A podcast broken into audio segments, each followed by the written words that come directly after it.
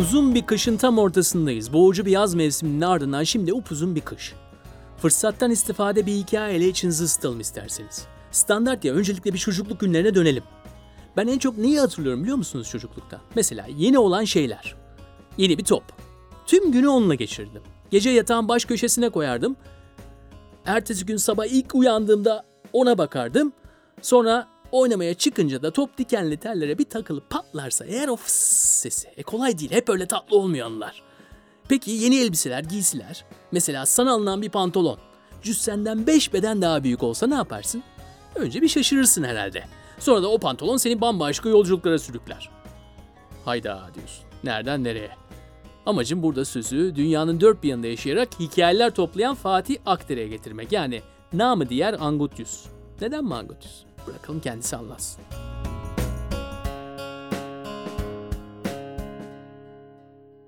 Benim okuduğum okul Ankara'nın en kenar mahallelerinden birisi Türközü'ndeydi. Ama bizim bir şansımız yoktu. Yani Türkiye'deki eğitim sistemine baktığınız zaman TED Koleji'nde okuyan birisiyle Hamdi Bulgurlu Ortaokulu'nda okuyan birisi aynı sınava giriyor. Ya benim hiçbir şansım yok. Ben okumayı her zaman seven bir insanım. Ben yani 9 yaşında gır gır almaya, ilk okuduğum roman Stephen King'in It, o romanıdır, Palyanço. Yani okumayı çok seven bir insandım. Niye? Televizyonumuz yoktu, internet yoktu, yapacak bir şeyimiz yoktu. Okuyorduk. 13 yaşındasınız, size dayatılmış bir fakirlik var. Bir kader gözüküyor bu. Yani benim babam çalışıyor, annem çalışıyor, işte ben de çalışıyordum o zaman. Sonra benim kaderim çizilmeye başladı. İşte askere gelir, evlenir. İşte babam e, beni bir devlet dairesine sokmak. Büyük adam olacağız. Sonra benim e, hayatımı değiştiren küçük bir olay oldu. 14 yaşında falandım. E, babam bana bir e, pantolon aldı. O zaman lacivert. Ve aldığı pantolon halen daha evde durur ve bana halen daha büyük gelir. Yani bana bir beş beden büyük bir pantolondu. Çok komik duruyordu. Dedim ben bunu giymem. Giyersin giymezsin babam bana bir tokat atmıştı. Dedi ki kendi paranı kendin kazan. Kendi pantolonunu kendin al. Ben de bizim komşumuz vardı. Kırşehirli koyun ayağı toplar ve bunu korsan olarak işler. Ankara'daki işte bu Berk Deresi'ndeki Etlik'teki paçacılara satardı. Ben de onun yanına gittim. Dedim abi dedim bana iş ver. Ne iş yaparsın dedi. Dedim her işi yaparım.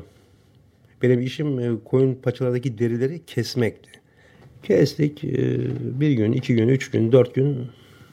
E, babam kıllandı tabii. Beni işten çıkmamı istedi dördüncü gün. Niye dedim. Paraya alışan dedi çocuk da okumaz dedi. Dedim ben dedim çalışacağım. Ben dedim pantolon alacağım kendime. İlk haftalığımı aldım 500 lira. Ee, annem dedi ne yapacaksın parayı dedim çerçeveleteceğim. Annem de gitmiş o parayı çerçeveletmiş ve evde duruyor. Ya ister istemez kendine bir güvenin geliyor. Yani 14 yaşında ben bunu yapabilirim diyorsun. Dediğin zaman kendi yaşıtlarından farklı dur konuma düşüyorsun. Benim yaşıtlarım o zaman işte Atari jetonu için birbirlerini döverlerken benim cebimde para vardı. Az ama vardı. Sonra işte okulu sorgulamaya başladım.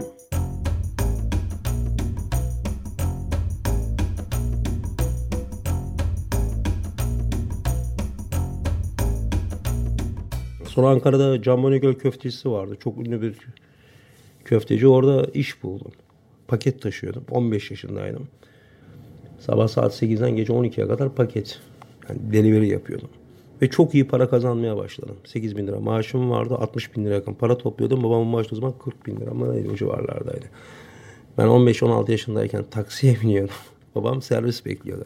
E ben niye okuyayım o zaman? Sonra bir gece bıraktım okulu. Ya biz saf çocuklardık. Gerçekten çok saf insanlardık. Yani ben komilik yapıyordum. E, Tom Cruise'un Cocktail filmi çıktı. Ya bir bakıyorsun ben neden olmayayım? O Tom Cruise çok kişinin kanına girmiştir. Tan gazetesi vardı bizim meşhur Bulvar gazetesi. Helga Mehmet şöyle işte Fransa'dan Angelica sırf Hüseyin için geldi. Ya bizim bir hayalimiz vardı. Bizim hayalimiz bizim gibi adamlar. O zaman tek bir hayali vardı. Uçağa binmek. Uçağa bindiğin zaman her şey güllük gülistanlık olacaktı. Aa, gidersin işte deniz kenarına. Bir zengin turist karı bulursun. Tom Cruise gibi. Hayatın kurtuldu. Buydu hayal. Bunu ben babama söylediğimde siktir lan dedi bana. O da öyle deyince ben de o akşam evden kaçtım. Direkt gittim Kuşadası'na. Kuşadası olmadı. Geldim falan. Baktım olacak gibi değil. Eve geldim. Dedim siz izin verseniz de vermeseniz de ben gideceğim. Yani Ankara'da durmam dedim ben. Bir hafta kayboldum. Bir hafta sonra geldim. Eğer izin vermeseniz kaçacağım bir defa. Ama dedim sizin dedim daha yaşım 16 falan. Siz dedim beni bırakın ben okumayacağım. Tamam dediler. Amcam vardı Alanya'da onun yanına gönderdiler. Benim hiç unutamadığım şey biz e, gece kondu semtinde biz sofraya oturduğumuzda herkes yemeğini yer bir köşeye gider. Baba yorgun, anne yorgun. Çocuk gene bir itlik yapmıştır, dayak yemiştir. Ben ilk defa Alanya'ya gittiğimde orada yazlıkta balkonlarda yani kahkahalar atarak, müzik eşliğinde, saz çalarak yemek yiyen insanlara gördüm. Ya, yemekte gülmek ayıptır mesela bizde. Yemekte konuşmak da ayıptır. Yani bir babanın çocuğunu sevmesi bile ayıptır. Ya ister istemez iklim içinde düşüyorsun. Kafa karman çorman oluyor. Yazın Alanya. Kışın Ankara'ya geldim yazın Alanya. Annem benden söz istedi. Dedi askere kadar böyle gidecek. Askerden sonra da bir Alanya'ya gitmeyeceğim. Tamam anne dedim sözüm söz. Yemin etti yemin ettim. Askerden geldim hiç Alanya'ya gitmedim. İki hafta sonra İsveç'e gittim. Yeminimi de tuttum. İsveç'e giderken annem demişti. Nereye gidiyorsun dedi. Dedim Malmö'ye gidiyorum İsveç. Alanya'dan yakın mı demişti. Yakın anne dedim. Kırşehir'in orada bir yer.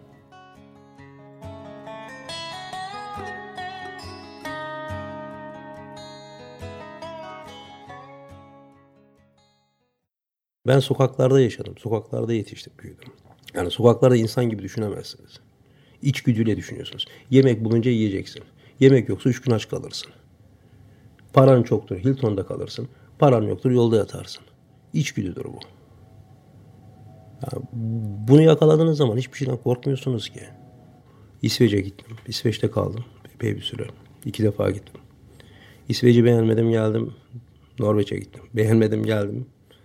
İngiltere'ye gittim iki haftalığına. 10 sene kaçak kaldım İngiltere'den. Daha sonra bir gün İngiltere'de sıkıldım ya. Bir gün sıkıldığımı hissettim. Forrest Gump gibi. Çektim geldim Türkiye'ye. Yani 10 sene geçmiş aradan. Türkiye değişmiş. Ben değişmişim. Kafa yapısı değişmiş. Alanya'ya yerleştim işte. Huzurlu dedik biraz duralım. Olmadı. Ee, Royal Caribbean Cruise Line isimli dünyanın en büyük kruz şirketinin reklamını gördüm bir gün öyle internette dolaşırken. Bir düşündüm ya bu dedim tamam. Milletin parası var geziyor. Bir de burada çalışanlar da geziyor. Hem çalışıp hep gezmiyor. Çünkü ben hem çalıştım hem gezdim yani. Avrupa'da pek görmediğim yer kalmadı. Cebimden 5 kuruş para harcamadım ve üzerinde de para kazandım. Dil öğrendim. Çok güzel bir eğitim aldım orada. Şimdi ortaokul mezunuyum diyorum da 7 sene boyunca her gün ortalama 4 saat psikoloji, konuşma, satış, insan etkileme, insan psikolojisi, iş, yani üzerine milyonlarca lira verip alamayacağım eğitimi aldım. Güzel yemekler yedim. Güzel kadınlarla birlikte oldum. Yani şunu da açıkça söyleyeyim ben. Saçma sapan 4 senelik 5 senelik bir üniversite bitirip sevmeyeceğiniz bir iş yapacağınıza marangozluk, aşçılık, garsonluk, barmenlik bunlar dünyanın her tarafında geçerli meslektir.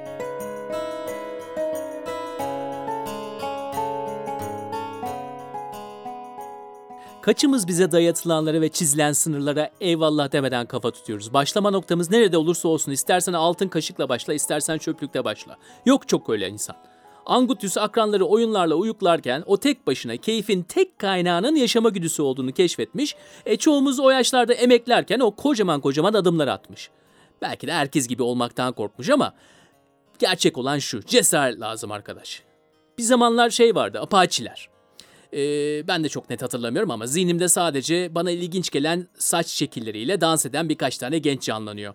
Onların dans videolarını izlerdik, müziklerini dinlerdik, geçti gitti diyoruz şimdi ama Angutius'a bu dert olmuş. Gitmiş bir Apache Masalı diye bir kitap yazmış. Apache Masalı 1, 2, 3, 4 diye seri yapmış. Neden? Kendisi bir Apache mi? E belki de Apache'lerin gerçekleşmemiş milyonlarca hayatından bir tanesini yaşıyor. Şimdi Apache'lerin kralı Angutius'tan dinlemeye biz de devam edelim. Ben ilk yazmaya sözlüklerde başladım. Ekşi Sözlük'te ve İnci Sözlük'te. O zamana kadar da kesinlikle bir kelime daha yaz yazmıştım yok. Bir mektupla yazmıştım yok benim normalde. Hiçbir zaman. Ve Türkçem de çok kötüydü. Uzun süre yurt dışında kaldım. İşte İngiltere'de 10 sene. En son Amerika'daydım 8 sene. Ve ortaokul mezunuyum. Kesinlikle bir edebiyat eğitimim yok. Ve Türkçem çok kötüydü. İlk yazmaya başladığımda da ilk bilgisayarımı almıştım. Yani klavye kullanmayı bile bilmiyordum. İlk amacım benim yemek tarifleri vermekti. Yani öğrencilere, nasıl hayatta kalınır. Daha sonra işte kokteyl tarifleri derken gezdiğim ülkeleri anlatmaya başladım. Mesela İngiltere'nin yağmurunu, Hyde Park'ı herkes anlatır. Fakat ben Tottenham'da yaşadım. Mültecilerle birlikte yaşadım. İrlanda'da Çingenelerle birlikte yaşadım bir süre. Amerika'da Miami herkes saat biçi anlatır. Fakat oradaki Kübalılar, Porto Rikolular veya Asyalıların hayatında ben onlarla birebirdim. Hep arka taraflardaydım. Benim seçimim mi değildi. Ama öyle oldu. Hoşuma da gitti. Kimseye anlatmadım bir şey. Ben o zaman işte Angutius Nick ile yazıyordum. Angutius da Angus Young. Ben ACDC'yi çok severim yani. Angus Young yapacaktım. Kardeşim dedi ki abi de Angutius yap dedi ya kim bilecek falan. Hadi öyle olsun dedik. Angutius yaptık. Ya benim amacım tamamen anonim bir biçimde böyle kendi kendime dertleşmekti. Çünkü yaşadıklarımı ben kimseye anlatan bir insan değilim. Benim kitabım çıktıktan sonra ailem aylar sonra öğrenmiştir. Öyle kendi kendime dertleşiyordum ben kendi kendime. Sonra işte kitap teklifleri geldi. İlk başta kabul etmedim. Çünkü hikaye devam ediyor. İnsanlar sözlükten okuyor. Hadi keselim ben bunu paraya çeviririm hikayesi olmasın falan dedim. Sonra hikaye bitti. Öylesine dururken oturdum Apache masalını yazmaya başladım.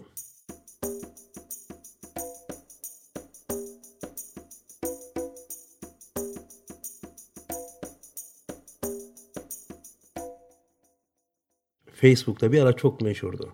Her gün bir Apache. Hatırlar mısınız bilmiyorum. İşte sayfa bayağı popülerdi. Böyle çocukların saçları, giyimleri. Çocuklar da 12, 13, 14, 15 yaşında gariban çocuklar. Ya 30-40 yaşında eşek kadar adamlar ya. Böyle gravatlı, güzel giyimli. Bu çocuklarla alay ediyor şeyde. Aa, ya 14 yaşında bir çocuğun nesil alay ediyorsun ki sen? Ya da saçıyla hani alay ediyorsun ki yani apaçı lan. Sen 40 yaşında bir insansın. 15 yaşındaki bir çocuğun dinlediği şarkıya, yaptığı dansa, giyimine kafayı taktıysa sen çok mutsuz bir insansın. Çocuktur ya. Bırak istediği gibi giysin. istediği gibi yapsın. Yani bana 15 yaşında bir çocuk yolda benim anama avradıma küfür etse. Haklısın abi der. Çeker giderim abi. Nedir yani? O çocuk 15 yaşında ya. Yani bu çocuklar Fransa'da olsaydı anarşist olacaktı. İsveç'te olsaydı hippi olacaktı. Amerika'da olsaydı rocker biker olacaktı. Ya bu çocuklar da böyle çocuklar abi. Sen bir şey dayatıyorsun yani insanlara. Heriflerin alım gücü yok. Bunun çakmasını kullanıyor. Rengarenk bir ara Türkiye'ye. Rengarenk çakma metalciler vardı. Emolar vardı. İşte e, eski şeyler vardı. Şimdi ne oldu? Herkes minik Polat Alemdar. Herkese bir sakal, bir takım elbise, dar bir pantolon, elde bir tespih, ağızda bir nargile. Her yerde aynı tipler. Delikanlıyız, yakarız, keseriz, ölürüz, öldürürüz. O apaçlar da bu, bu toprağın bir rengiydi ya. Yok kalmadı. Ya yani. İşte apaçı masala böyle çıktı. Ha, Türkiye şu anda çok siyah beyaz yani. Bakıyorsun hep aynı kafalar. Hep aynı şeyler.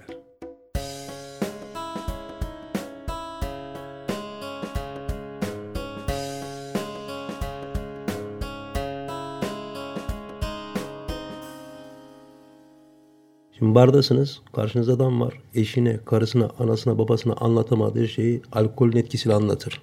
Hikaye toplarsınız. İster istemez. Ve öğrenmek zorundasınız. Bakın bir tezgahtar çok güzel bir kitap yazar. Çünkü çok anısı vardır. Ama var yani böyle yazar diyor ya ay ben kendimi kapatıyorum Altay dağlarda yazıyorum ediyorum. Hayır abi ondan çalıyorsun bundan çalıyorsun hepsini toplanıp yeni bir şey çıkarıyorsun. Ya yazarlık diye bir şey yok yani. Derdi olan insan yazar. Ben hep bunu söylüyorum. İnsanın yazması için sebepler lazım. Sözünün kesilmesini sevmiyorsundur. Hep sen konuşmak istiyorsundur. Sen benim sözümü kesmeden okuyarak dinlemek zorundasın. Sıkıntın vardır yazarsın. Bir şeye bozulmuşsundur yazarsın.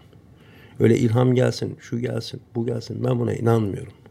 Ya Türkiye'de ve Orta Doğu'da edebiyat şöyle bir şey. Cinselliğin bu kadar bastırıldığı bir toplumda aşk, ayrılık, ihanet, başka hiçbir şey yok. Dizilerde, sinemalarda, romanlarda, şiirlerde her yerde aşk, ay aşkınıza sıçayım ya. Ya bu ülkede kadınlar tecavüze uğruyor. Bu ülkede ne biçim şeyler yürüyor. Ama aşk, aşk, aşk, aşk. Aşkı herkes yazar abi. Herkes elinde sonunda kavuşamamıştır. Neşet Ertaş, Allah rahmet eylesin. Çok severim. Ama Neşet Ertaş 19 yaşında köyde kalacağına Antalya'da içi Rus dolu bir otelde tatil yapsaydı o Zahidiye o kadar, o Bitli Zahidiye o kadar yanmazdı abi. Ya da Müslüm Gürses rahmetli Victoria Secret'i bir yılbaşında seyretseydi, oradaki hatunları görseydi o kafayı yediği hatunlara bu kadar yazmazdı. Yani yazmak nedir? Yaşadıklarını yazarsın abi. Hayal gücünde bir yere kadardır. Ya bana versen bir 70'lik rakı ben sana kralını yazarım abi kafayı bulduktan sonra. İki kokain çekim yazarım yani hayal gücümü yazarım. Ben yazar olarak görmüyorum kendimi. Ben anlatıyorum. Ben hiçbir zaman yazmam. Anlatırım ben. İnsan isterse oturur yazar. Yazmak kolay bir şey değil. Böcek gibi oluyorsun. Sabahın köründe kalkıyorsun gecenin bir yarısına kadar. Dışarı çıkmışsın. Dışarıda bir hayat var. Akıllı bir insan yapacağı bir iş değil bu. Kaldı ki Türkiye gibi bu kadar kolay ünlü olanabilen bir ülkede. Hiçbir şey yapma. Bir yetenek yarışmasında soytarılık yap. Veya babaannene küfür etti. Videosunu koy. Anında ünlü oluyorsun zaten. Yani para için, ün için, şan için, şöhret için yazılmaz. Çekilecek bok değil abi. Ortalama bir romanda bir küsür milyon vuruş var ya. Bir küsür milyon kere sen yazıyorsun.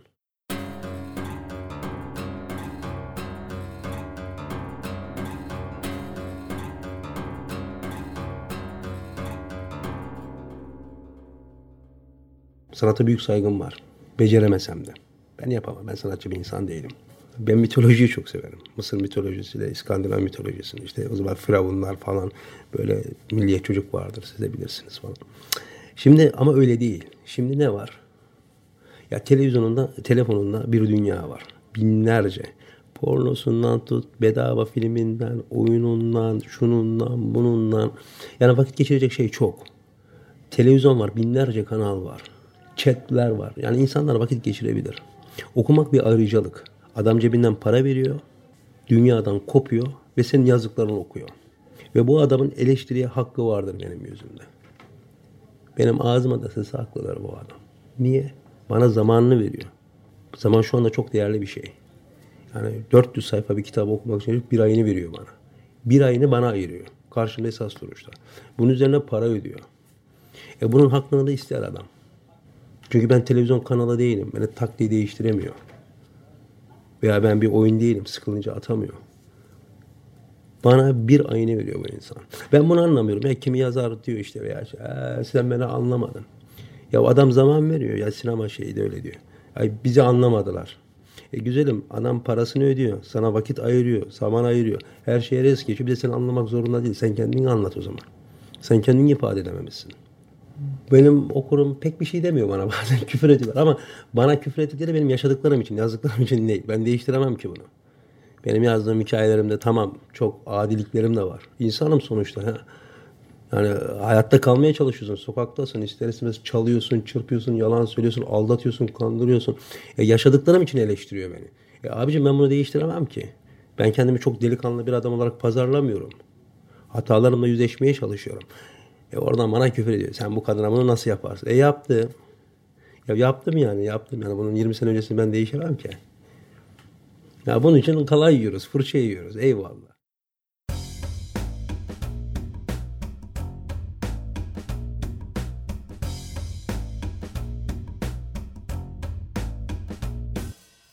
Binlerce insan hikayesini dinledim.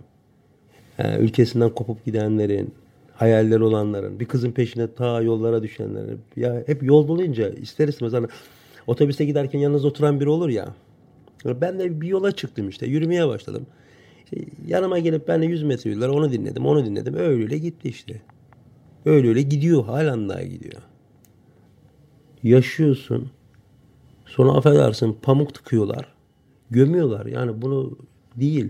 Şimdi ben e, Hyde Park'taydım. Londra'da ilk defa gitmişim. Churchill'in heykeli var ya. Churchill'in heykeli. Dünyaya, adam dünyaya hükmetmiş. Yani bizim reisi falan bırak yani Churchill yani. Dünyaya hükmetmiş. Dünya savaşları çıkarmış ve dünya savaşları bitirmiş bir adam. Şu kadar boyuyla. Herifin heykelinin önünde durdum. Vay falan bakıyorum. Bir tane zenci geldi yanıma. Zenci abi. Yo boy, white boy falan fişman baktı. Bak dedi görüyor musun dedi. O zaman İngilizce'de kıt. Neyi dedim. Bak dedi bu Churchill dedi. Tanıyor musun Churchill dedi. Tanıyorum. Bak dedi adam dedi heykelini dikmişlerdi. E dedim. Ama de heykeli de kuşlar sıçıyor dedi. Yani hayatta gelebileceğin nokta bu abi. Heykelini dikerler. Sen yine ölüp gidersin. Tepene de kuşlar sıçar. Yani olay bu. Yani başka bir şey yok bunun. Yani yaşamak lazım bu yani. Bunun ötesi yok. Yani dünya nereden geçiyor? Ya geçerse geçsin. Bana ne abi ya? Bana ne ya? Diyorlar ki Halep. Halep'e ben hiç gitmedim abi. Bilmiyorum nerededir. İnsanların hayatı nasıldır bilmem ya. Adamlar şimdi kafayı Trump'a takmışlar. Amerika. Bana ne abi? Bana ya? Ben yanındaki komşumu tanımıyorum. Bana ne abi? Artık takmıyorum ya. Yani medeniyetler yıkılıyor, medeniyetler kuruluyor. Diller unutuluyor, diller gelişiyor. Roma İmparatorluğu yıkılmış ya. Persler yıkılmış. Yani dünyanın tarihi yani devlet çöplüğü zaten. Bir gün biz de yıkılacağız. Bir gün Amerika'da devrilecek. Bir gün Rusya'da bitecek. Her şey bitecek. Yeniden kurulacak yani. Bu bir dünya organizma yani. Kendi kendini yenileyen.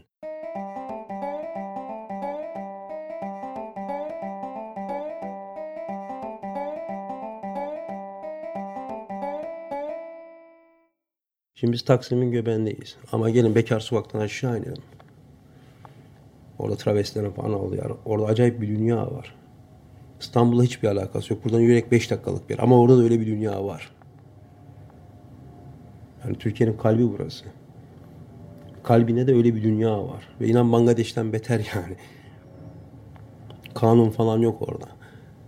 E gittiğinizde gördüğünüzde böyle de bir dünya var. Şimdi çocuk okuyor. Hayali Amerika'ya gitmek. Ya Amerika'ya git. Git de işte Amerika'nın da Amerika'ya göre kuralları var yani. Senin bir gün karşına çıkacak. Ha böyle de bir dünya varmış diyor adam. Yani İngiltere tamam. İngiltere'de herkes şey değil öyle gentleman, gentleman falan değil yani. Öyle bir dünya yok. Londra'da tamam Chelsea güzel bir semt. Ama bir de Wood Green gerçeği var. Bir Tottenham gerçeği var. Orası da buranın bağcılarına falan benzemez yani. Benim çenemde üç tane kırık var. Benim çenem burası böyle komple kırıktır. Suratındaki yaraları görüyorsun. Burada şişe patladı. Burnum kırık zaten. Parmaklarım falan hep yaradır. Burada bıçak yarası var. Kafamda 30'a yakın yarık var benim. Burada siz e, İstanbul'da Leeds taraftarlarını öldürdüler. Ben o sırada İngiltere'de çalıştığım yerin adı Turkish Delight. Yani hesap et neler oldu. Öyle de bir hayat. Ha, gerçi ben kendim kaşınıyordum. Bütün yediğim dayakları hak ettim ben fazlasıyla da. Yani öyle.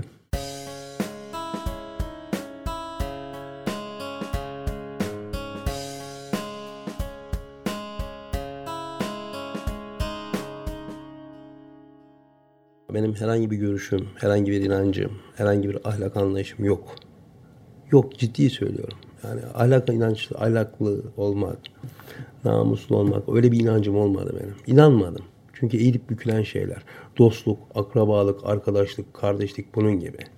Mesela akrabalık denen olguyu ben hiç sevmem. Adam babamın bilmem nesi benden 10 yıl erken doğmuş. Ömründe bir tane kitap okumamış. Ömründe bu hayatta yani belli herif rezil adamın teki. Ben bu adamın elini niye öpeyim? Ben bu adamı niye görmek zorunda olayım? Yani dostluk, arkadaşlık, yoldaşlık bunlara inanan bir insan değilim ben. Benim hiçbir görüşüm yok. Ben çok sade bir adamım ya. Benim insanlardan hiçbir beklentim olmadı. Ben çok basit bir insanım ya. Sabah kalktığımda benim elime bir tane kahve versinler. Sütsüz, şekersiz. Bir de sigaram olsun. Tamam param olunca iki tane biram olsun. Yani yok giyinmiş, yok markaymış, yok işte arkadaşlarla bir yere gitmek mi şu mu. Benim öyle bir beklentilerim hiçbir zaman olmadı. Ben kendi kendine eğlenebilen bir insanım. Ve ciddi anlamda benim yani e, arkadaş sayım 2-3'ü geçmez. Hiçbir zaman da geçmemiştir. Asker arkadaşıymış. Hayatta tanımam abi. Selam vermem. Facebook'ta falan olunca engelliyorum bazen.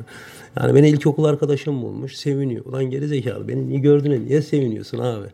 Ben isteseydim zaten seni bulurdum. Yani 6 yaşında işte 8 yaşında hatırlıyor musun? Ne hatırlıyorum. Kalem tıraş aç. Ya ben ne yapayım? Yani bana bir şey vermeyecek insana benim işim olmaz. Bu yaşa kadar yapmadım. Dört tane sap oturup böyle işte Galatasaray muhabbeti yapmak. Karı kız muhabbeti yapmak. Ya şu bana bir şey öğretmeli abi yani. Bana bir şey vermeli. Ben bir şeyler öğrenmeliyim. Bu 12 yaşında bir çocuk da olabilir. 60 yaşında bir adam da olabilir. 20 yaşında gelecek bir insan da olabilir. Ben 15 yaşında benim e, yazma stilimi değişmeme sebep olan 17 yaşında bir çocuktur. Ek sözlükte yazar. Bana bir mesaj attı. Ama çocuk harbiden giydirmiş de giydirmiş. Ondan sonra ben yazarken daha dikkatli olmaya çalıştım. Sevmiyorum ben dört tane sap oturup rakı içmeyi sevmiyorum. Sevmiyorum abi. Rakı içeceksem racon için içmem ben ya. Sarhoş olmak, sapıtmak için içerim. Ya para ödüyorum ya hakkımdır abi ben onu kıçıma içerim yani kusura bakma yani dört tane sap oturup ee, öğrenmeye açım ben halen de öğrenmeye açım. Alacağımı alırım, sömüreceğimi sömürürüm. Ondan sonra başka bir yere giderim. Eskiden de böyleydi. Eskiden de en yakın dostum benim çantamda. Bir tane küçük çantam olurdu. Ben fazla elbise falan taşımazdım. Onunla giderdim ben. Çantamla beraber giderdik. Neresi olursa olsun.